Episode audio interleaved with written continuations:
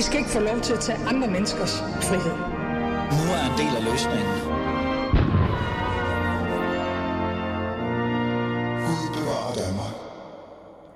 Ja, Gud bevarer Danmark. Velkommen til. Klokken er blevet 12.06, og du lytter til Alis Fæderland. Og mit navn er som altid Ali af min Ali. Og lad mig lige sige det ordentligt, fordi det var da helt galt. Det var super ikke væsentligt sagt. Gud bevarer Danmark. Sådan, så er det sagt ordentligt. Tiden er konservativ. Det er i hvert fald det, man hører tit, når man taler om den politiske udvikling på europæisk plan. Og i bund og grund også dansk, når man tænker over det. Men for at tiden skal være konservativ, så er der jo også brug for visioner og tanker om, hvordan samfundet skal se ud i fremtiden. Når man skuer ud over det, de europæiske lande, så kan man jo i hvert fald ikke sige, at der ikke er de her visioner og drømme om et konservativt og et borgerligt Europa. Det er der i hvert fald en masse politikere og filosofer og debattører for den sags skyld, som er meget øh, øh, klar spyttet omkring deres visioner og drømme. Men når man kigger øh, på Danmark, eller i hvert fald her i vores samfund, fædrelandet, så vil jeg i hvert fald sige, at det halter gevaldigt. Fordi jeg synes, eller jeg mener, og når jeg siger noget, så er det jo selvfølgelig rigtigt, for det er jo mit fædreland, og det er også selvfølgelig jeres fædreland, så er der ikke mange politikere, i hvert fald borgerlige politikere eller meningsdannere og debattører, som reelt set fremlægger nogle visioner og en drømme om, hvad det reelt er at være konservativ eller borgerlig og leve i Danmark i fædrelandet. Men det er der faktisk en person i studiet i dag, som øh, gerne vil lave om på. Eller i hvert fald, han har i hvert fald besluttet sig for at gøre noget andet. Det er ikke noget nyt fra hans side, men nu har han i hvert fald øh, fremlagt en kronik, som er mere visionær, end man i hvert fald kan finde andre steder. Lad mig bare øh, introducere ham med det samme. Christian Holst. Vigilus, Vigulus, Vig... jeg kan ikke sige det, hjælp mig. Vigilius. Vigilius, jeg er, jeg er udlænding, ikke? Ja, ja, det er okay. Det er okay. Jeg synes, du taler godt dansk, jo. Er det rigtigt? Nå, ja. må jeg blive? Nå, det er en anden snak. Du er landsformand for konservativ studerende, og så er du næstformand for konservativ ungdom i København. Ikke længere. Ikke længere? Nej. Det, Men jeg sidder du i forretningsudvalget for konservativ ungdom. fantastisk. Ja. Men du er i hvert fald medlem af det konservative folkeparti. Det er jeg.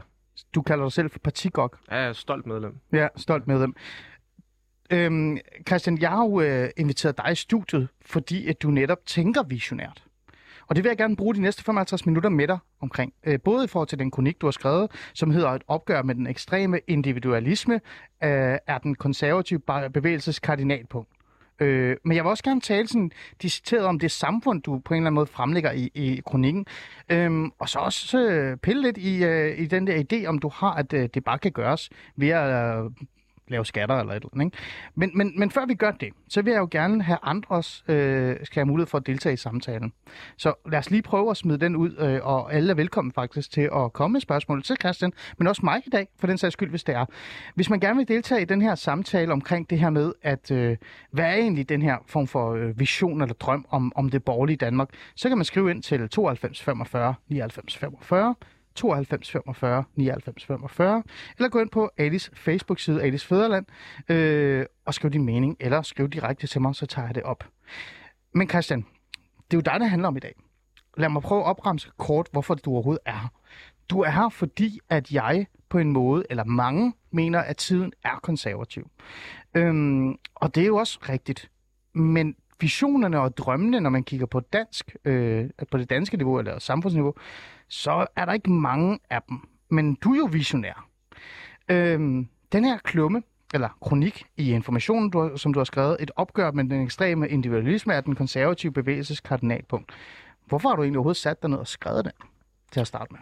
Jamen, jeg tror, øh, som du også selv siger, så har jeg også savnet lidt, at der fra, fra den borgerlige side, og for, for mit vedkommende særligt fra den konservative side, kommer sådan en helt støbt vision for, hvor det er, vi gerne vil hen som samfund. Fordi det, det er fuldstændig rigtigt, som du siger, altså der er noget i tidsånden, som, øh, som appellerer til den konservative del af mange mennesker. Men jeg tror for mange, så er det svært 100% at sætte ord på, jamen, hvor er det, vi gerne vil hen som samfund? Altså, så, så bliver det sådan noget, øh, man har sådan nogle enkelte mærkesager, eller man hader alt det der identitetspolitik, hvor man ikke må kalde det Eskimo-is længere og sådan noget. Og jo, jo, det er der den borgerlige side, altså det er den, kon- den, den konservative del af politik, som ligesom, øh, hvor, hvor de holdninger ligesom hører til, at man er sådan modstander mod det og sådan noget. Ikke? Men det er jo ikke et grundlag for, altså en vision for, hvor det er, man gerne vil hen som samfund. Mm. Og så tror jeg også, øh, generelt så bliver de borgerlige, øh, og tit med rette, klandret for øh, at definere sin politik meget negativt. Mm. Altså sådan, det er, det er det, som alle de venstreorienterede gerne vil have, det er det, vi ikke vil have. Altså sådan, Det er sådan gør Rasmus modsat. Ja, præcis. Øh, og øh, det, det, det, det vil jeg så sige, det er også en del af det at være borgerlig, at sige nej øh, nogle gange. til, til fremskridt. ja, sige nej til fremskridt, sige nej til forandring. Øh, og det er selvfølgelig også en del af, af den konservative ideologi, at man, man gerne vil bevare. Øh, men jeg synes ikke, det er nok til... Altså, vi, vi skal ligesom også kunne præsentere noget selv. Vi skal komme med et positivt modsvar. Hmm. Og det er så det, jeg har forsøgt i min kronik, øh, hvor jeg sådan, hvis jeg lige kort skal sådan Gerne, opremse... gerne til Ja. vores lyttere, så de, kan, så de ved, hvad det er. Jamen, altså sådan, jeg kan lige hurtigt opremse hovedpointerne. Altså først og fremmest, så prøver jeg ligesom at øh, spore mig ind på, hvad, hvad er det, der er galt med den kultur, vi har i Danmark. Fordi Danmark er jo et godt land på mange måder. Altså sådan, øh, og jeg tror, vi, vi elsker jo begge to. Nu hedder det Alis Fæderland, så jeg går ud fra, at du også er ret fæderlandskærlig. Ja, det må man sige. Ja, præcis. Og, og jeg tror egentlig også, de fleste danskere øh, er ret godt tilfredse med, med meget af, af, af den samfundsmodel, vi har og sådan noget. Men der er også nogle problemer. Øh, og jeg tager lige så meget udgangspunkt i det her. Øh, der er lavet øh, med et utal af statistikker over, at der er flere og flere unge, særligt unge i Danmark, som føler sig øh, ensomme, som ikke føler sig som en del af et fællesskab, og der er også flere og flere, der har brug for psykiatri. Øh, og der har jeg det sådan, at når vi så kan konstatere, jamen okay, vi har altså en, en virkelig høj levestandard, vi har en meget lav arbejdsløshed, øh, der er gratis uddannelse, der er gratis... Du får faktisk penge for at tage en ud af det, Man får faktisk det penge for at tage en uddannelse. kan man godt sige. Det kunne man også godt gøre noget ved. Men, øh, men i hvert fald, det kan, det kan dårligt være socioøkonomiske faktorer, der gør, at der er flere og flere unge, der har ondt i livet, der har det dårligt. Så derfor så bliver man for mig sige nødt til at se på, jamen hvad er det for en kultur, vi har? Hvad er det for nogle, nogle dogmer og samfundsnormer, som de unge øh, vokser op under? Altså, hvad er det, vi ligesom fortæller dem? Det her, det er det gode liv. Altså, hvis du skal have det Mm. godt, øh, så, så, så skal du gøre det her. Og, og der, der har jeg bare lagt mærke til, at noget, der virkelig gennemsyrer vores samfund, øh, og som man kan se også i altså, populærmusik og øh, øh, rigtig meget det mediestof, der bliver produceret også af Mm. Danmarks Radio og sådan noget. Men altså også det, som ligesom er grundlaget for, for mange af de sådan, politiske visioner, man har, det er det her med, det her dogme om, at lykken er at finde ved, at man frigør sig selv så meget som muligt. At man ligesom skal blive lykkelig ved at gøre sig selv uafhængig af andre mennesker, fordi man skal klare det selv. Man skal udløse sit potentiale. Øhm, og der har jeg det bare sådan, det kan måske godt fungere for enkelte, meget få mennesker. Jeg tror ikke, det er det, der gør heller dem lykkelige, men jeg tror for størstedelen af alle mennesker, så, øh, så bliver man faktisk lykkelig i fællesskab med andre mennesker. Mm. At det er i, i forpligtende relationer til andre mennesker, øh, at man har det godt. Øh, altså, vi er sociale væsener, vi er skabt til at være en del af og der er så meget fokus på det her med nære fællesskaber, øh, som jo for mig at se, det nærmeste fællesskab, det er ens familie. Mm. Men det er jo også det lokalsamfund, man vokser op i. Øh, og jeg har skrevet lidt som en trætrinsraket, altså familien, lokalsamfundet, og så det nationale fællesskab. Ja. Som jeg også synes er virkelig værdifuldt. Mm. Øh, og som jeg tror rigtig mange danskere oplevede i, sommers, øh, i, eller i sommer at være en del af. Øh, det her, øh, da, da, da fodboldlandsholdet var med til EM, øh, folk gik i gaderne, og alle havde de samme farver på, og alle gik og sang de samme sange. Folk, der overhovedet ikke kender hinanden, men som alligevel oplever at være en del af det her fællesskab. Mm. Kun på grund af, at de bor her, de er født her, eller de er taget hertil og har taget danske øh, værdier og den danske kultur til sig. Øhm, det lyder jo øh, rigtig fint øh, i mine ører, øh, fordi det er netop øh, på en eller anden måde, øh, altså det du gør, det er jo, du beskriver jo i bund og grund det samfund, øh, vi kan se på nuværende tidspunkt, og der er jo ikke noget, du nævner der er statistikker og sådan nogle ting, det er selvfølgelig rigtigt, der er masser af statistikker, der, der kan underbygge det her, der er også måske også nogle statistikker, der siger, nej, det er overhovedet ikke derfor, men i bund og grund, så, så beskriver du jo det samfund, vi, vi står med lige nu øh, på nuværende tidspunkt, især i forhold til det der med unge. Øhm, men, men altså, du prøver jo at være visionær det her, det vil jeg give dig. Det er faktisk en, en visionær tænkning. Og du kommer også med nogle, øh, med nogle idéer. Men, men altså, Christian, øh, hvis man skal tage det her, lad os tage det sådan punkt på punkt, på det er også det, du gjorde. Unges problemer, med et pro, øh, altså unges problemer er et produkt af tidsånden, siger du. Så hvis vi starter med de unge og ser den her tidsånd, hvad er det for en tidsånd, så du visionært gerne vil have øh, unge øh, på en eller anden måde skal se mere ind i, end det de allerede gør nu, som jeg vil gætte mig til, at du synes er øh, ikke så godt. Ja, som jeg, siger, jeg har et særligt fokus på de unge, også fordi at de er øh, på alle måder et produkt af tidsånden, fordi de, de, de, de bliver opdraget, de kan jo ikke selv bestemme, hvilke værdier og normer de bliver opdraget med. Det er noget, der ligesom bliver besluttet af Det er jo nærmest social kontrol, ikke kan man kalde Ja, ja, det? men nu. det er, ja. vi er alle sammen underlagt social kontrol, Ja, ja, ja. ja. særligt når vi er børn. Ja. Øh, men man kan sige, det er, en rigtig, det er nok den bedste indikator for, hvor vi er på vej hen øh, som samfund, når det er, vi kan se, at der er en tendens blandt de unge. Ikke? Fordi Mm. om 50 år, så er det Mm. ligesom dem, der Ja. øh, udgør Ja. ja. boomer-generationen, eller hvad man skal sige. Ja, men, men du siger jo det her med, at tidsånden, øh, altså at det, du faktisk reelt set lægger op til, det er, at vi burde gøre noget med den her tidsånd. Vi er nødt til at, at, at ændre nogle ting. Altså, øh, hvad er det, du vil ønske, at de unge brugte mere tid på, og det modsatte mindre tid på? Jeg vil ønske, øh, at vi lavede en politik, hvor det var mere oplagt, at man brugte tid på at øh, dyrke øh, de nære mellemmenneskelige fællesskaber. Øh, Mm. og med det, der mener jeg for eksempel altså familien, øh, men øh, altså også ens lokalsamfund. Øh, altså det er utroligt værdifuldt, det at man har øh, at man ligesom føler, at man er en del af et, øh, et fællesskab, der hvor man kommer fra, og der hvor man bor. Øhm, og så tror jeg bare, at vi skal skrue ned for det der med øh, hele tiden at, at øh, skrige ind i hovederne på, på de unge mennesker, at øh, du skal opnå det her, det her karrieremæssigt for at, at blive lykkelig og sådan noget. Jeg, jeg, det tror jeg slet ikke er øh, sundt for mennesker. Og der bliver talt rigtig meget om den her præstationskultur. Det her med, at vi stiller for Ja. mange krav til de unge og sådan noget. Ja. Og øh, det berører jo noget af det samme. Jeg synes så, det er en lidt overfladisk analyse at sige, jamen øh, for eksempel øh, bliver det tit fremlagt det her med, at vi stiller for høje krav i uddannelsessystemet. Ja, altså når du siger, at vi stiller høje krav, det er jo øh, både os som samfund, men også det borgerlige Danmark, der har skabt den her, det her form for krav. Altså det er jo øh, folk øh, fra, fra dit eget parti og, og VLAG-regeringen, for den sags skyld, hvis vi tager dem alle sammen med, som har skabt den her... Øh, hvad kan vi sige, den her øh, landevej, som er blevet mere og mere snæver, fordi det reelt set handler om, at øh, man skal udvikle sig, men man skal udvikle sig rigtig hurtigt, man skal skynde sig igennem uddannelserne, man skal vælge den rigtige uddannelse, man skal i hvert fald ikke vælge den forkerte uddannelse, for så er du på den, og så skal man på arbejdsmarkedet. Så det er jo noget, øh, det er jo en borgerlig vision i bund og grund, som du øh, nu siger måske har været forkert. Ja, altså der er flere ting i det. Jeg vil sige, for det første så er mit indlæg bestemt også en kritik af den der øh, liberalistiske tankegang, som, som jo grundlæggende er det samme, at man ønsker, at individet ligesom skal frigøre sig selv øh, så meget som muligt. Øh, men ja, men, men altså, jeg er lidt uenig i det der med, at det nødvendigvis skyldes for høje krav i uddannelsessystemet, for eksempel. Øh, fordi altså sådan, for mig at se, så har jeg har svært ved at se, hvordan kravene er sådan blevet væsentligt øh, højere sådan de sidste Men du mener ikke, at samfundets, øh, altså den vision, der har været for unge og for samfundet de sidste par år, har jo været det her med, at unge skal vælge den rigtige uddannelse, de skal hurtigere på arbejdsmarkedet, de skal øh, uddanne sig højt osv. osv. Så det, det synes du er forkert? Jeg tror, jeg tror, det er mere den tilgang, som, som de unge ligesom har til det. Ah, Øh, okay. Men man kan sige, altså for mig at se, så ville det også være rigtig godt, hvis vi også var bedre til at dyrke øh, måske lidt mere de der nuancer, der er i forhold til uddannelsessystemet. Mm. Fordi der er rigtig mange, der tror, at hvis man kommer på universitetet, så har man ligesom klaret den, ikke? Altså, det er der, det er der ja, rigtig mange. Ja. Og, og det synes jeg jo er, er helt øh, forkert og, og fejlfortolket. Mm. Øhm, og så vil jeg sige, det der med, at man øh, tilrettelægger uddannelserne mere efter arbejdsmarkedet, øh, det er sådan set ikke nødvendigvis imod. Øh, jeg synes, det er forkert, hvis det er, man tænker, "Nå, men, at det, det er bare fordi, vi skal have mere økonomisk vækst, vi skal presse citronen øh, så meget som muligt. Mm. Men altså noget af det mest værdifulde, det er jo også at have et arbejde at stå op til.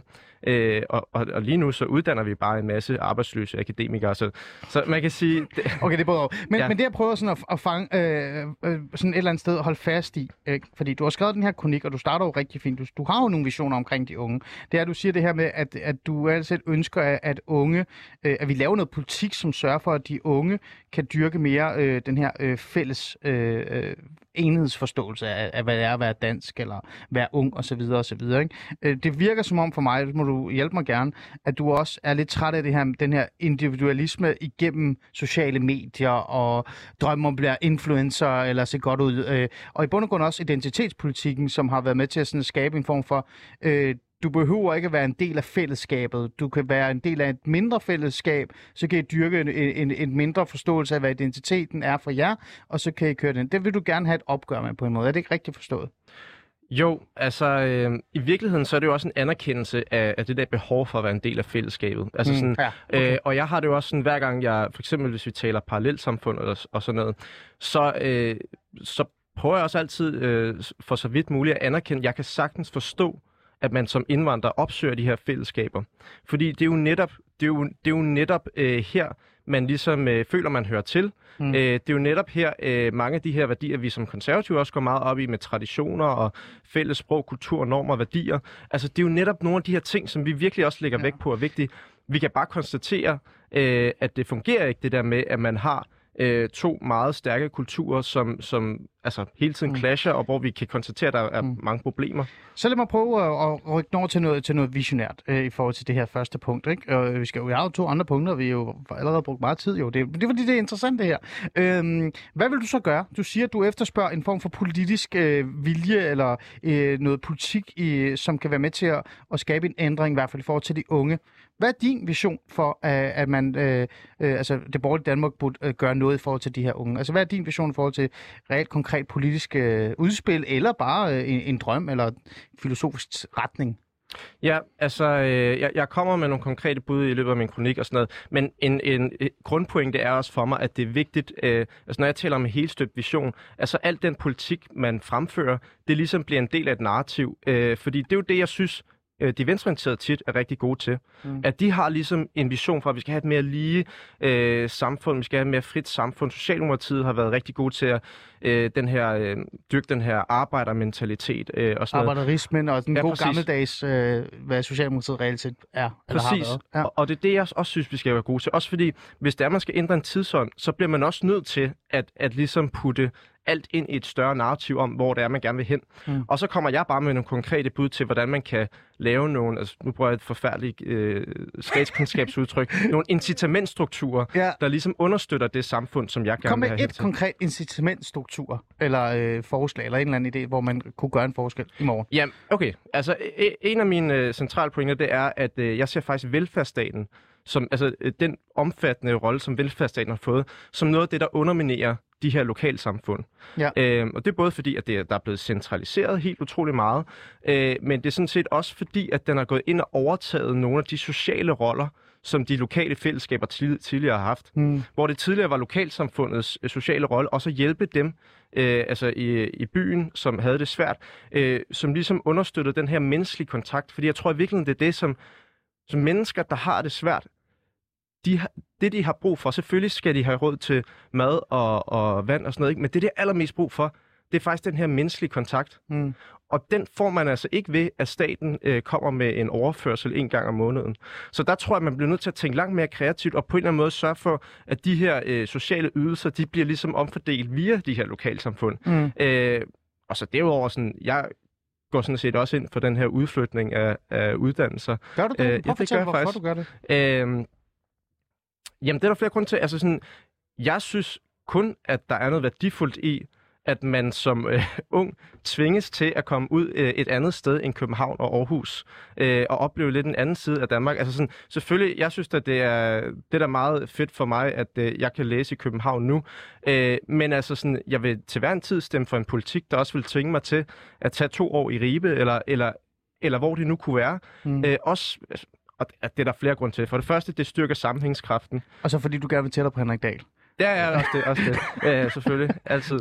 Ja. Øh, men, men, det gør, men det gør også bare, øh, at det betyder virkelig meget for sådan et lille lokalsamfund, at mm. der kommer en mm. uddannelse mm. dertil. Mm. Øh, jeg var nede i øh, jeg var nede i Tønder mm. øh, for ikke så lang tid siden for at stifte en ny øh, lokalforening for konservativ ungdom, og, og, og nærmest en til det, de talte om, det var, at de fik nogle uddannelser dernede. Ikke? Mm. Det gør så meget, og, og det synes jeg faktisk, vi skylder øh, ja, altså alle borgere, at det mm. ikke kun er København og Aarhus, der bliver til gode set. Mm. Og så har vi jo haft hele den her snak om, øh, hvordan det øh, universitetsmiljøet er lidt afkoblet fra resten af virkeligheden og sådan noget. Og der tror jeg også, der kan være en gavnlig effekt i det der med, at man ikke lever i sådan nogle små bobler, mm. øh, urbane bobler i, i København og Aarhus. Mm.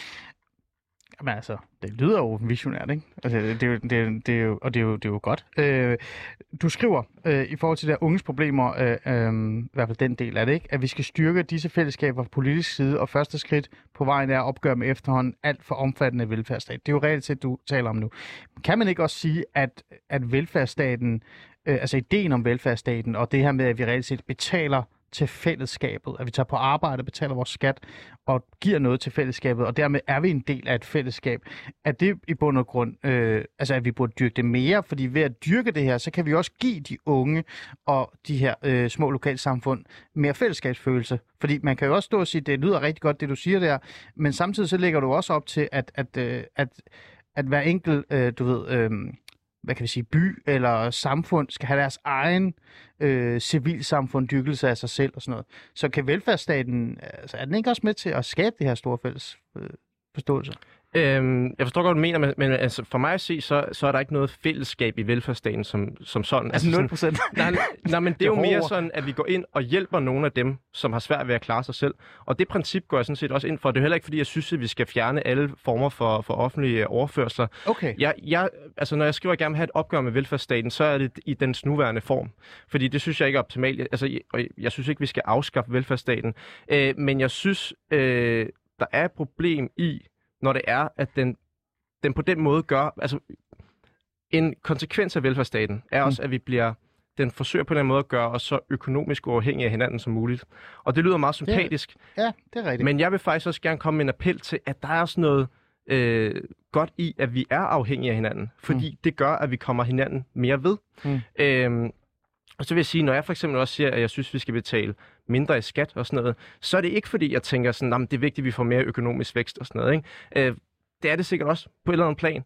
Det er bare ikke det, jeg er så optaget af. Men jeg er optaget af, at den enkelte borger øh, har mulighed for at frigive noget tid og nogle ressourcer til netop at dyrke det, som jeg tror, de fleste mennesker bliver allermest lykkelige af, nemlig at indgå i de her nære fællesskaber. Mm.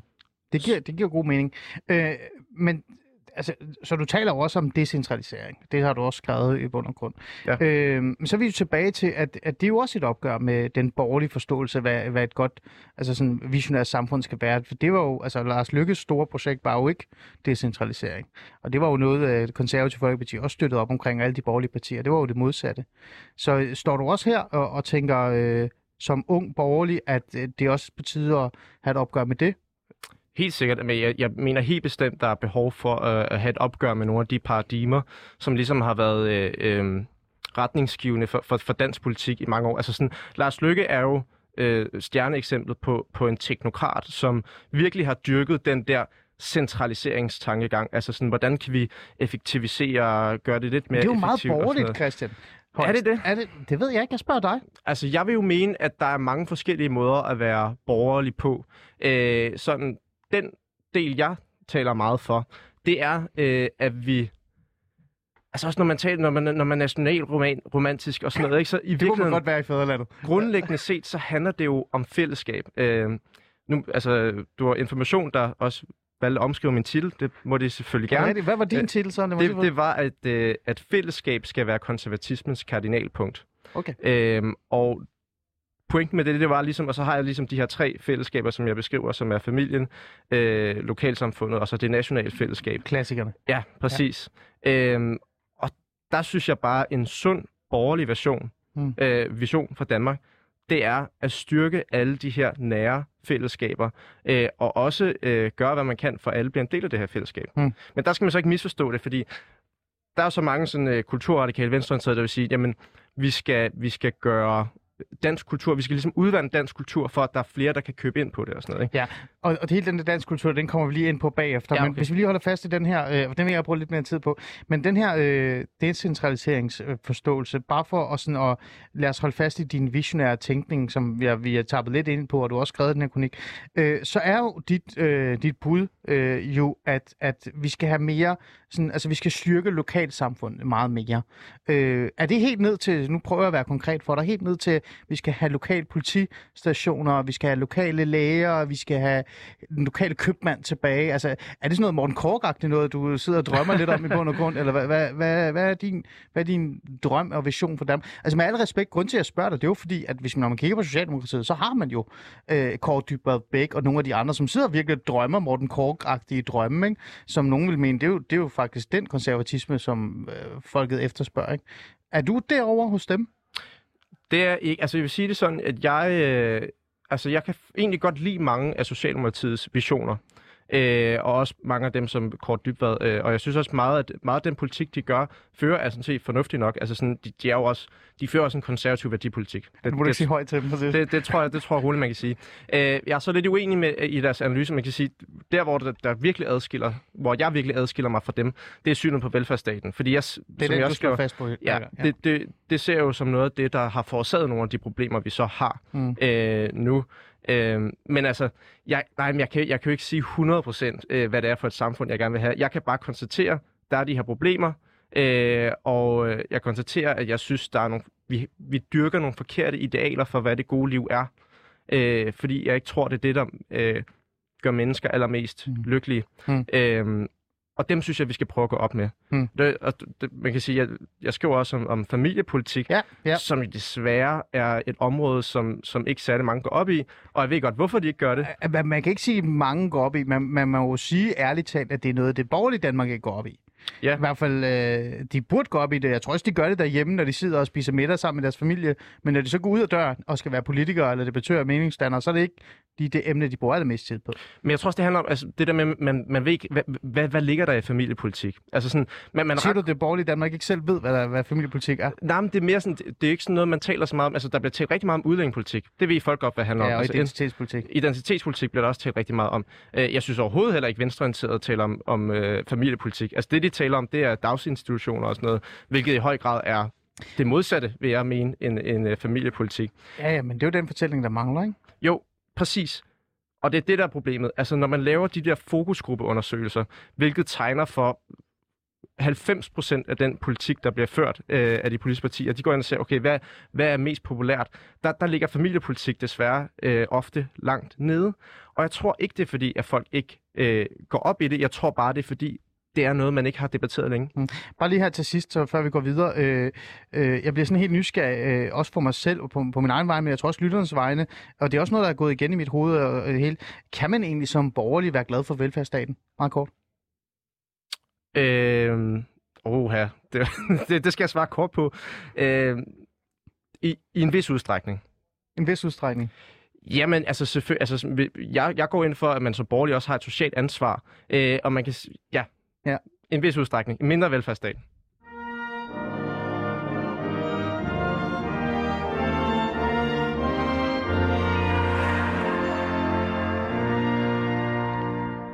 Du lytter til Alis Fæderland. Mit navn er som altid Ali Amin Ali, og jeg har Christian Vigilius i studiet i dag, så jeg, kunne- jeg, jeg sagde det Perfekt. fornuftigt. Øh, landsformand for konservative studerende. Og det vi taler om i dag, det er faktisk det her med at være visionær og drømmende for det samfund, man er en del af. For fædrelandet. Øhm, Christian Vigilius, du har jo skrevet en, en øh, kronik i Information, som handler om dine visioner og dine drømme for et konservativt og i hvert fald borgerligt samfund. Kan man ikke sige det? Og det, og det er jo det, vi sådan har brugt det sidste stykke tid til at lige at, øh, hvad kan vi sige, sådan, tale lidt øh, dybere ind omkring, hvad er egentlig dine drømme, hvad dine tanker er. Vi har været forbi øh, velfærdssamfundet, øh, kan man jo i hvert fald godt sige, at vi har snakket om decentralisering. Mm. Øhm, og øh, nu skal vi tage fat i øh, kulturpolitik og familiepolitikken, for den sags skyld, for den synes jeg også er vigtigt. Øh, og, og, og bare lige for, og, øh, før vi sådan reelt set går i gang, så vil jeg bare lige sige til lytterne, I kan jo stadig godt være med. Send en sms til 92 45 99 45, eller gå ind på Alis Facebook-side, øh, eller Alis Fæderlands Facebook-side, og skriv en kommentar, så tager vi det med. Men, men Christian, du er jo i studiet, og grund til, at jeg laver det her program med dig i dag, det er jo fordi, jeg et eller andet sted synes, der mangler den her visionære, øh, drømmende, øh, borgerlige debattør, meningsdanner, politikere. Det er i hvert fald del med svært at finde. Og så læste jeg din kronik og tænkte, wow, der er en. Skynd mig at tage ham ind i studiet og tale med ham om. De to ting, som jeg synes, som vi så kommer ind på nu, som vi skal bruge mere tid på end de andre, ikke fordi de ikke er vigtige, centralisering og velfærdsland, det er kultur- og familiepolitikken, som, som jeg virkelig synes er to emner, som mangler ekstremt meget i den borgerlige fortælling om, hvad man gerne vil have i det samfund. Grunden til, at jeg synes, de er vigtige, Christian, du må virkelig godt rette mig, hvis, du, hvis det er helt galt, det er jo fordi, det er der, hvor historiefortællingen virkelig kan komme i spil. Det er hvor man som politiker, debattør og meningsdanner kan fortælle andre borgere i Danmark, hvad det er, man gerne vil med, med det nære, med familielivet, med, øh, med øh, hvad hedder det, identitet, med dannelse, med opdragelse osv. osv. Det er der, hvor man kan historie fortælle, hvad man kommer fra, hvad man står på og skuld osv. osv. Øhm, du prøver lidt, øh, i forhold til i hvert fald, hvad du tænker. Du taler i hvert fald øh, kulturpolitik. Prøv at fortælle, hvad det er, du har skrevet i din kronik omkring kulturpolitikken, eller i hvert fald den der forståelse af danskhed. Kan man Ja, godt faktisk altså, øh, jeg tror, min hovedpointe er lidt, at jeg synes, vi skal styrke dansk enhedskultur. Der bliver, der bliver talt rigtig meget multikultur øh, i den politiske debat. Der bliver ikke talt så meget om, om enhedskultur. Altså, det gør der indirekte, men det bliver ikke nævnt så meget. Øh, øh, og pointen er ligesom, at jeg tror, at rigtig mange, øh, når, man, når, man, når man gerne har vil øh, øh, føre den her multikulturelle dagsorden, så er det netop for at øh, omfavne øh, flere grupper, altså også særligt med tanke på sådan øh, immigrationsdebatten, øh, Ja. udlændingedebatten og sådan noget. Øh, men i virkeligheden, så øh, svækker man fællesskabet, hvis det er, at man på den måde udvander de elementer, som ligesom konstituerer fællesskabet. Mm. Øh, hvis Mm. det giver mening. Altså, det gør det, det gør det. Min grundlæggende pointe er ligesom, at vi er ikke født øh, som uafhængige individer. Altså, vi er ikke født sådan øh, tabula rasa, altså en, en blank tavle. Øh, vi er født ind i en sammenhæng. Altså, vi er født ind i en familie, øh, og vi er født ind i en, en national sammenhæng, som en del af et folk, der har bestået de, øh, i flere tusind år. Øh, og det synes jeg faktisk er øh, utrolig værdifuldt. Altså, det er ligesom det, der konstituerer Mm. mening for tilværelsen. Mm. Når du siger det, og du også har lagt fokus på det, så betyder det jo også på en eller anden måde, at du synes, at det er forsvundet. Den her fortælling, eller den her dyrkelse af den her identitet, den her fælles identitet, eller som du kalder det.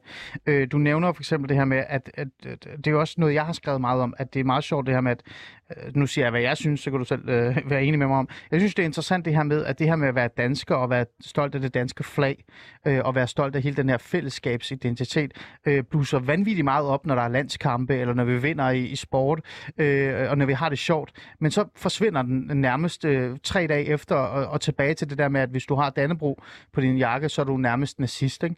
øh, den, her, den der fælles ting, den, jeg må jo gætte mig til det, fordi du synes, den savner, øh, i hvert fald på et idéens, øh, det, hvad hedder, idé, øh, idéniveau, eller individets niveau. Men hvad tror du, det skyldes? Er det fordi, at man politisk og fortællermæssigt øh, har bare glemt den, droppet den? Altså tale nationalfølelsen op? Jamen, jeg tror, øh, at der hersker meget den her aversion mod, øh, mod at dyrke det nationale. Øh, og og det, det er, jeg tror i høj grad, det handler om, at det ikke er en særlig populær holdning blandt øh, kultureliten. Øh, meget af dem, der sidder på medierne, og sådan set også mange af dem, der sidder på Christiansborg. Øh, og det er der flere grunde til, men altså sådan, man kan sige, Ja, ja, lad os bare tage det øh, forfærdeligt fortærskede eksempel, ikke? Men det her med, at Dansk, Fo- øh, Dansk Folkeparti, øh, der var jo en periode, hvor øh, folk nærmest synes, at, øh, øh, at Dannebro var ligesom et symbol for at være fremmedfjendsk og sådan noget, ikke? Fordi det blev forbundet med Dansk Folkeparti. Altså Dansk Folkeparti ejede nærmest, nærmest Danne, øh, Dannebro, ikke? Ja, ja, Øh, på en præcis. måde. Ja. Øh, og så tror jeg også bare, der ligger noget i det der med, at det, altså det her med at, at dyrke nationalfølelsen og sådan noget, ikke? det er i virkeligheden er det ret banalt. Altså, Mm. mm. det er ikke særlig intellektuelt udfordrende. Du kan ikke sådan nødvendigvis forklare sådan ud fra en eller anden øh, spændende øh, diskursiv analyse, øh, hvorfor det er, det forholder sig sådan. Men som du selv siger, vi står alle sammen og synger med øh, på nationalsangene, når der er landskampe. Og jeg tror, der er rigtig mange i sommer, der ligesom oplevede den der nationalfølelse. Den der følelse af at være en del af et fællesskab. Kun fordi, at vi, vi bor det samme sted, vi lever det samme sted. Og, og det er netop det, som også er sådan en af hovedpointerne i min kronik, at vi skal, øh, vi skal ligesom dyrke de der givende fællesskaber, Mm. hvor du ikke skal gøre noget for at være en del af klubben, men hvor du bare er en del af klubben, fordi at du tilfældigvis er dansker. Øh, og, og jeg tror, vi alle sammen kan mærke, hvor fedt det er, når der, når der er landskamp og sådan noget. Jeg synes, vi skal udvide det. Mm. Og sådan også lade det gennemsyre vores samfundsinstitutioner. Hvordan, hvordan kan vi gøre det? Fordi at det er jo interesseret i. Nu står du her og visionær, og det er jo ikke fordi, jeg har hørt mange borgerlige politikere efter landskampen gå ud og sige, ej, jeg vil ønske, at vi stadig øh, har Dannebro op her og der, eller vi for den sags skyld øh, spillede nationalsangen mere. Øh, I Sverige havde man jo på et tidspunkt øh, øh, den her idé om, at øh, når Sverige 4, eller hvad det, eller hvad det var, jeg kan ikke huske, hvad det var, SVTV, når, når folk vågnede op, så spillede de nationalsangen, og når, når folk gik i seng, så spillede de nationalsangen. Øh, det er jo konkrete bud, men der er ikke mange fra den borgerlige fløj, der er kommet med sådan nogle idéer og visioner. Hvordan er din, øh, hvad er din idé eller tanke, hvordan man kan Jamen, styrke det her? Jeg tror, man kan give en del gennem vores øh, uddannelsesinstitutioner. Altså have et Okay, større fokus på, på, på dannelse. Øh, også altså, den danske sangskat. Øh, også et større fokus på, jamen, hvor er det egentlig, vi kommer fra? Altså, øh, altså man må også bare sige, danskerne er... jeg tror, man kan sige, danskerne er ubevidst meget øh, fædrelandskærlige. Øh, det er der rigtig Jeg, mange, jeg fik er. lyst til at sige nationalistiske, Ja, men hvis jeg ja. siger det, så bryder de alle sammen sammen. Vi siger bare fædrelandskærlige. øh, altså sådan, vi fejrer øh, de fleste højtider stort set ens. Mm. Øh, vi har alle mulige øh, fælles referencerammer, øh, og der er det hele taget rigtig mange... Øh, altså, der er også kæmpe opbakning til, til kongehuset eksempelvis og sådan noget. Ja, kunne lov for det. Ja, præcis. Men egentlig er vi et ret uh, traditionsbundet folk. Der er bare ikke så mange, der sådan vil stå ved det. Mm. Og det er måske det, jeg synes, der er lidt ærgerligt, det der med, at det, det bliver på en eller anden måde Hvorfor, lidt hvorfor, udskilt. tro, hvorfor tror du det? Tror, altså, øh, fordi når man taler om Dannebro mm. og identitetsfølelsen af, altså den der idé om at være dansk og sådan nogle ting, så er det ikke svært at kigge på venstrefløjen øh, og deres, øh, hvad kan vi sige, øh, argumentation for, og, om det er godt at skidt at have Dannebro hængende op og så videre og så videre. Altså, den eksisterer. Øh, hvorfor tror du, at, at, øh, at det borgerlige Danmark ikke rigtig deltager i den samtale så? Lad os sige det på den måde. Jamen, jeg tror, øh, jeg, jeg giver dig fuldstændig ret i, at det er en, en sådan udpræget øh, værdi på venstrefløjen, det her med, at vi skal ikke dyrke det særegen danske, fordi mm. at det per definition virker ekskluderende for dem, som ikke identificerer sig som Men det er jo danske. venstrefløjens forståelse Ja. af det, og det synes jeg med al respekt er, er jo fint nok, fordi det er deres. Hvorfor tror du, at modsvaret ikke er der? Jamen, det tror jeg er fordi, at øh, der er ikke blevet brugt nok tid på at sidde og tænke sig om, øh, og hvorfor er det egentlig, at vi gerne vil dyrke de danske værdier. Øh, og jeg tror også, øh, altså man kan sige, dem, der har talt rigtig meget om det, det er netop Dansk Folkeparti. Men, men det bliver tit på... Åh, oh, nu skal jeg passe på, hvad jeg siger. Øh, jeg synes tit, det bliver på et lidt overfladisk niveau. Øh, og det har det været.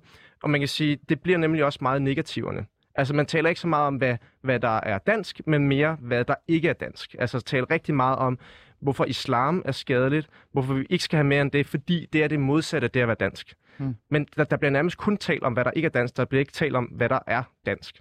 Øhm, og der tror jeg bare, at øhm, der er brug for, at vi er bedre til fra borgerlig side at komme med nogle positive svar på, jamen, hvorfor er det? Hvorfor er det, at vi synes, det er vigtigt, at man har et fokus på, hvor det er, vi kommer fra, vores fælles historie, hvad der konstituerer danske værdier og traditioner. Øh, og jeg, jeg tror bare, at i mange år, så har det lidt været ens betydende med ikke at være så akademisk, at man stiller sig op og siger det. Altså, så taler man den der populistiske, Ja. øh, ah, men det, ja. de skal ikke komme og tage Ja. ja. mine jobs og sådan, ikke? Jo. Men, men sådan behøver det slet ikke at være. Nej. Øhm, du skriver meget om kristendom. Eller ikke meget, du nævner kristendom, mm. og gudskelov for det. Øh, fordi det er jo et kristent land. Øh, men hvad vil så med øh, dem udefra? Altså, øh, hvis man skal dyrke den her øh, forståelse, den der fælles forståelse af at være dansker og øh, dannelsen og sådan videre, så skal man jo også undervise det og fortælle den historie videre til folk med ikke, altså fra ikke-vestlige lande, især også øh, øh, folk med en anden religion. Øh, er der også plads til dem og, og deres forståelse af danskhed ind i den her fællesskab, eller skal de nærmest dannes til at forstå, at der er kun én måde at være dansk på? Selvfølgelig er der plads til folk, der tænker på andre måder, men jeg synes ikke, at vi skal gå på kompromis med det, som objektivt set er dansk. Altså sådan, det, det er jo ikke sådan, det er jo ikke en, idé, der er hævet ud af luften, det her med, at der er noget, der konstituerer øh, danskhed. Altså jeg Nej. skriver også i min kronik, hvis alt er dansk, er intet dansk. Øh, og det er jo netop pointen. Altså sådan, når du har en kultur, så er den netop også defineret ved at være anderledes fra andre kulturer. Mm. Øh, og det sjove er jo sådan set, at når vi har... Øh, altså det, der bliver talt meget om, det er jo sådan, øh, hvad hedder muslimske øh, befolkningsgrupper og sådan noget.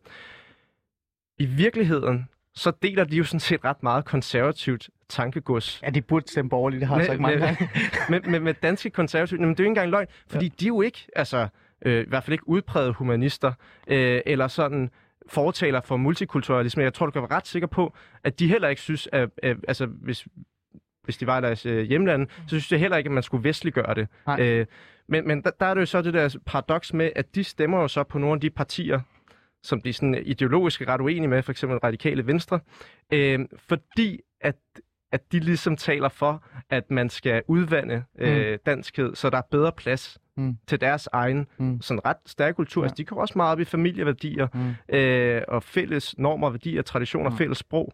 Øh, Så hvis vi lige holder fast i den der, øh, det, for det er jo faktisk en, en rigtig øh, smuk vision, du har der, øh, og det er grund til, at jeg siger, at det er smukt, fordi jeg deler den.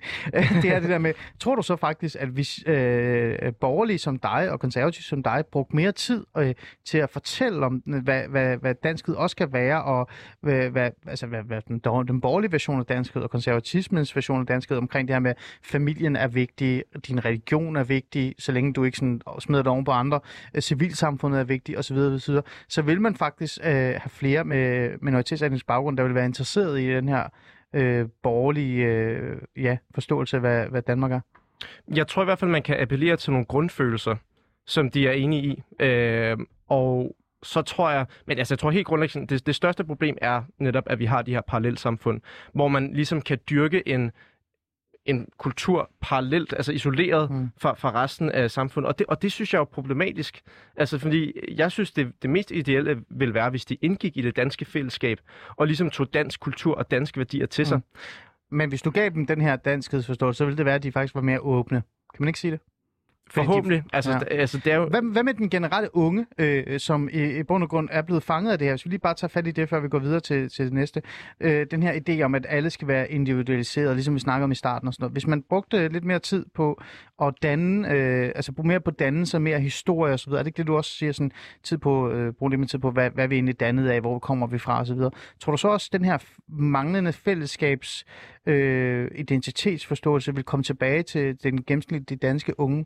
Som muligvis er forsvundet lidt? Jeg tror, når man har, når man har ondt i livet, og man er ensom, så er det vigtigste, at man bliver del af et nært fællesskab. Altså, ja. det tror jeg er det vigtigste. Øh, min pointe er ligesom bare, at det nationale fællesskab, øh, som også er utrolig værdifuldt, øh, det, det er konstitueret af, at vi ligesom øh, egentlig er ret klare øh, omkring, hvad, altså, hvad, hvad vil det sige at være øh, dansk, eller hvad, hvad, vi, hvor er det, vi kommer fra? Hvad er det for en fælles historie, vi har? Men, men, men det er jo ikke sådan, at jeg siger, sådan, at, at hvis man øh, lærer de unge at synge nogle salmer... Øh, men det er det, jeg altså, spørger sådan lidt ja, om. Tror du så?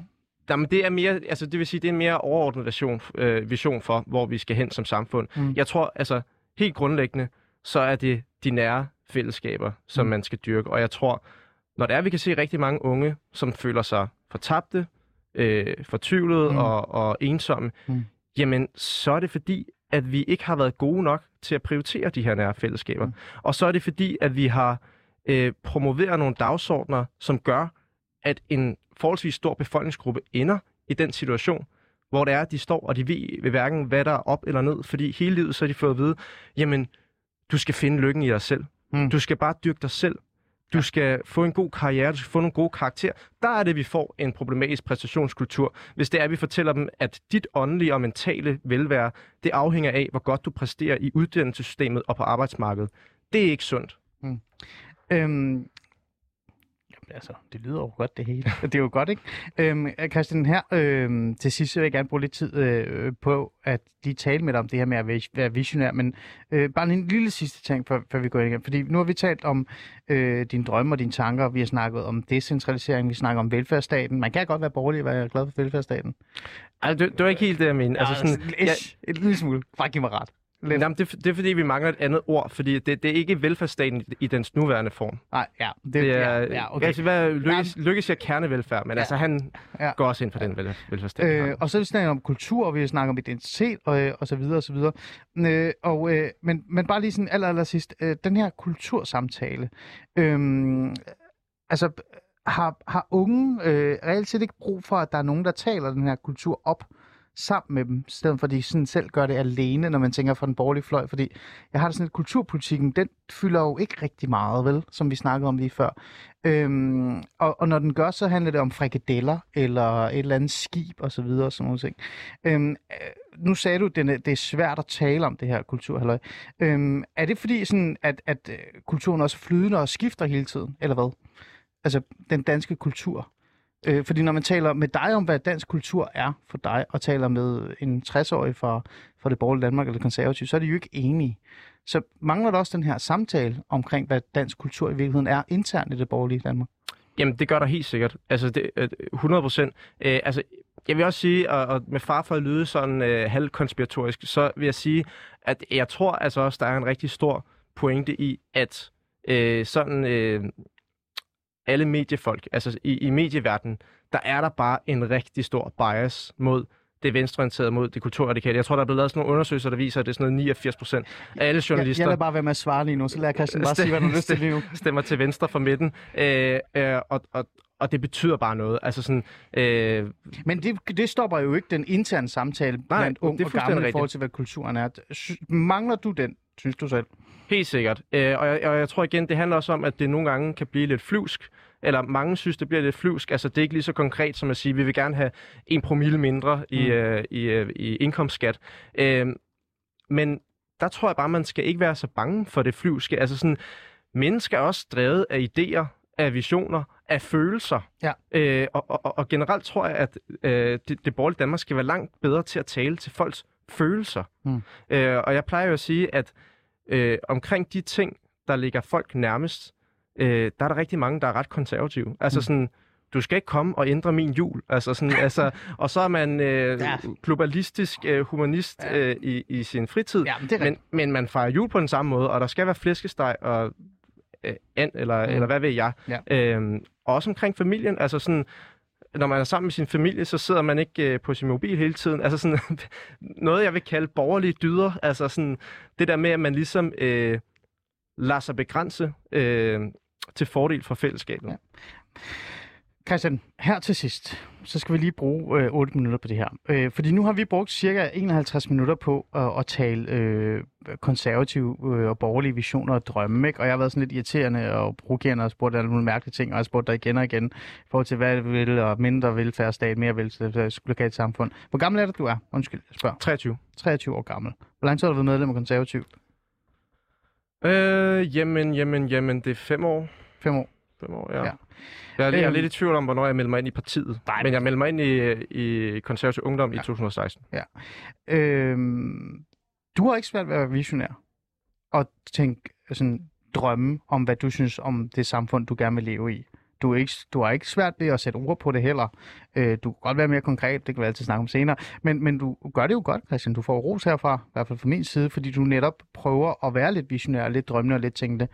Øhm, når man kigger lidt på den reaktion, din, øh, din kronik har fået i det borgerlige Danmark, kan man sige, især i konservative kredse, så er den jo blevet rost. Altså, vi er henne over, hvor øh, det ikke er bare normale medlemmer eller borgere i Danmark. Det er jo øh, folketingsmedlemmer som Mette Abelgaard, Katrine Amensbøl, øh, der er sågar Søren Vandsø, som er, hvad er det, han er, Øh, generalsekretær for for øh, partiet. Konservativ Folkeparti. Ja, præcis. Ja. Øh, og så er der også nogle andre fra andre borgerlige partier, som har rost øh, dig. Øh, de her mennesker, øh, de roser dig for at være, hvad hedder det, visionær. Øh, hvorfor er de ikke selv visionær? Øh, jeg tror, jeg tror, det handler rigtig meget om at prioritere det. Altså prioritere at dyrke det internt i, øh, i partierne. Øh, fordi at ofte så bliver det bare den der hverdagstrummerum. Øh, og man tager lidt tingene, som de kommer. Øh, det bliver den der Lars Lykke-tilgang til politik. Ikke? Kan vi effektivisere lidt? Og Jeg synes, du er sød nu. der. Jeg synes, du er sød nu. Du begynder at snakke om, det er hårdt at være, og svært at være folketingsmedlem og sådan nogle ting. Øh, med al respekt, øh, altså, øh, det er mange af de andre på, på den røde side også. De er jo ikke svært ved at, at være visionære og skrive kronikker og skrive bøger for den sags skyld omkring, hvad deres drømme og visioner er øh, for et samfund. Du har siddet og skrevet en kronik. Øh, du er i gang med din, øh, så vidt jeg ved, øh, øh, hvad hedder det nu? Øh, eksamener, ikke? Ja. Ja, du er også en travl mand, vil jeg mene. Men det er ikke svært for dig. Hvorfor er det så svært for de her mennesker? Altså, øh, fordi de må jo se noget positivt i din kronik, men øh, altså, Mette Abelgaard, øh, Søren Vandsø, øh, Katrine Amesføl øh, og mange andre, øh, de har jo platformen, de har jo ståstedet, de er jo reelt set folk, der sidder med magt. De kan ikke være visionære. Hvorfor? Og det ved jeg ikke, om de kan, men altså sådan, øh, hvad hedder det, jeg, jeg, jeg tror, man kan sige sådan her, at der, der, der er øh, holdningspluralisme også internt i, i konservativ, og det er der i et hvert parti. Og der, men der er jo mange af de sådan enkelte mærkesager, som jeg synes er super fornuftige. Det jeg bare savner, det er, at man ligesom bygger det op, eller bygger det op øh, under et større narrativ om, hvor det vi gerne vil hen som samfund. Øh, og det synes jeg ikke er blevet prioriteret nok. Og nu skal jeg nok prøve at svare lidt mere direkte på de spørgsmål. Jeg tror helt sikkert også, at der er en selvstændig pointe i, at man som borgerlig godt kan være lidt bange for at stille sig op øh, og tale om sine visioner, fordi at man er bange for at lyde usympatisk. Øh, fordi, Hvordan? Fortæl mig, hvorfor. jamen fordi altså, som borgerlig, så går du ind for en øh, hård retspolitik, øh, du går ind for lavere skat, øh, du går ind for altså, alle mulige ting, som øh, venstrefløjen er rigtig gode til at frame som usympatiske, hvor de kan stille sig op og sige, jamen vi går ind for, vi skal gøre noget ved fattigdom, vi skal gøre folk mere lige, øh, og alt sådan noget der. Og der er det, jeg tror, Mm. at man skal prøve at sætte sig ned og tænke lidt over, jamen hvorfor er det, vi fører den politik, vi gerne vil føre? Men siger du ikke også så, at man ikke har sat sig ned og tænkt over, hvorfor? Jo, man jeg synes ikke, man gør til nok. Helt sikkert. Men det, det, Ja. ja. det, det vil jeg slet ikke stå og, og lade som om ikke er rigtigt. Men for eksempel det her med stram udlændingepolitik. Ja, Jeg- for eksempel. Jeg har ikke skrevet om stram udlændingepolitik i min kronik, og det er ikke, fordi jeg ikke synes, øh, at vi ikke skal have den. Jeg ser det som en forudsætning for det samfund, jeg gerne vil have. Mm. Jeg ser det som et middel på vejen hen til at nå et mere harmonisk samfund. Og jeg tror, det er det, vi skal blive bedre til at tale om. Hvad er det, hvad er det for et samfund, vi gerne vil have i sidste ende? Øh, og øh, Mm. jeg synes, det har været mega fedt, at der har været øh, positive til, øh, tilkendegivelser, også fra mi, øh, nogle af mine venstreorienterede venner på min kronik. Øh, fordi at jeg skriver om nogle af de ting, som appellerer til folks grundfølelser, og det tror jeg, vi skal være bedre til. Mm. Og det er netop de nære fællesskaber. Det er netop noget af det, der betyder allermest for folk, som jeg vil mene, at man bedst når frem til ved at føre en grundsolid, borgerlig og konservativ politik. Mm. Jamen, altså, så prøver jeg, jeg kan jo godt lide, hvad du siger. Jeg, det er derfor, jeg ikke siger noget. Øh, jeg, jeg prøver bare at, også at gøre dig opmærksom på, at jeg synes, det er skønt, at du reelt set er visionær, og du, og du drømmer om et samfund. Øh, jeg synes bare, at øh, det er svært at se det øh, fra andre, som reelt set burde gøre det. Men, men fred være med det, det, skal, det bliver en meget lang øh, samtale. Christian, øh, nu har du skrevet den her kronik, og du har jo kommet med nogle, øh, nogle drømme, nogle tanker. Øh, holder du fast i den her tilgang, eller falder du også øh, ned i dagligdagens trummerum og glemmer fuldstændig at være visionær? Ja, det, det lover dig, jeg ikke gør. Øh, fordi altså, det, er, det er det her, der betyder allermest for mig. Det er, at vi er i stand til også at tale om nogle visioner og drømme. Øh, og, og jeg må bare sige, at en forudsætning for, at vi kan få en permanent borgerlig forandring af samfundet, det er, at vi er i stand til at øh, appellere til folks følelser, øh, til folks grundlæggende forståelse af, hvad der er sundt for et hvert menneske. Mm. Mm. Og der vil jeg bare sige, det her med at tale de nære fællesskaber op og føre en politik, der styrker dem, det er grundborgerligt, det er Mm. mm. grundkonservativt, og det er godt for alle mennesker. Hmm. Så der kommer flere kronikker?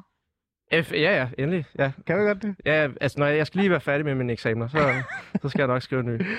Okay, godt. Her til sidst, øh, Christian, øh, i forhold til det her med, at, øh, at man siger, at tiden er konservativ, øh, øh, når man kigger på Europa og sådan nogle ting. Tror du, at vi i Danmark kan formå at altså, få noget ud af den her konservative tid? Eller tænker du, at øh, du vil gerne drømme, du vil gerne visionær, men på nuværende tidspunkt så øh, ser det lidt skidt ud i Danmark i forhold til det her med at, at cash ind på den her konservative tidsånd?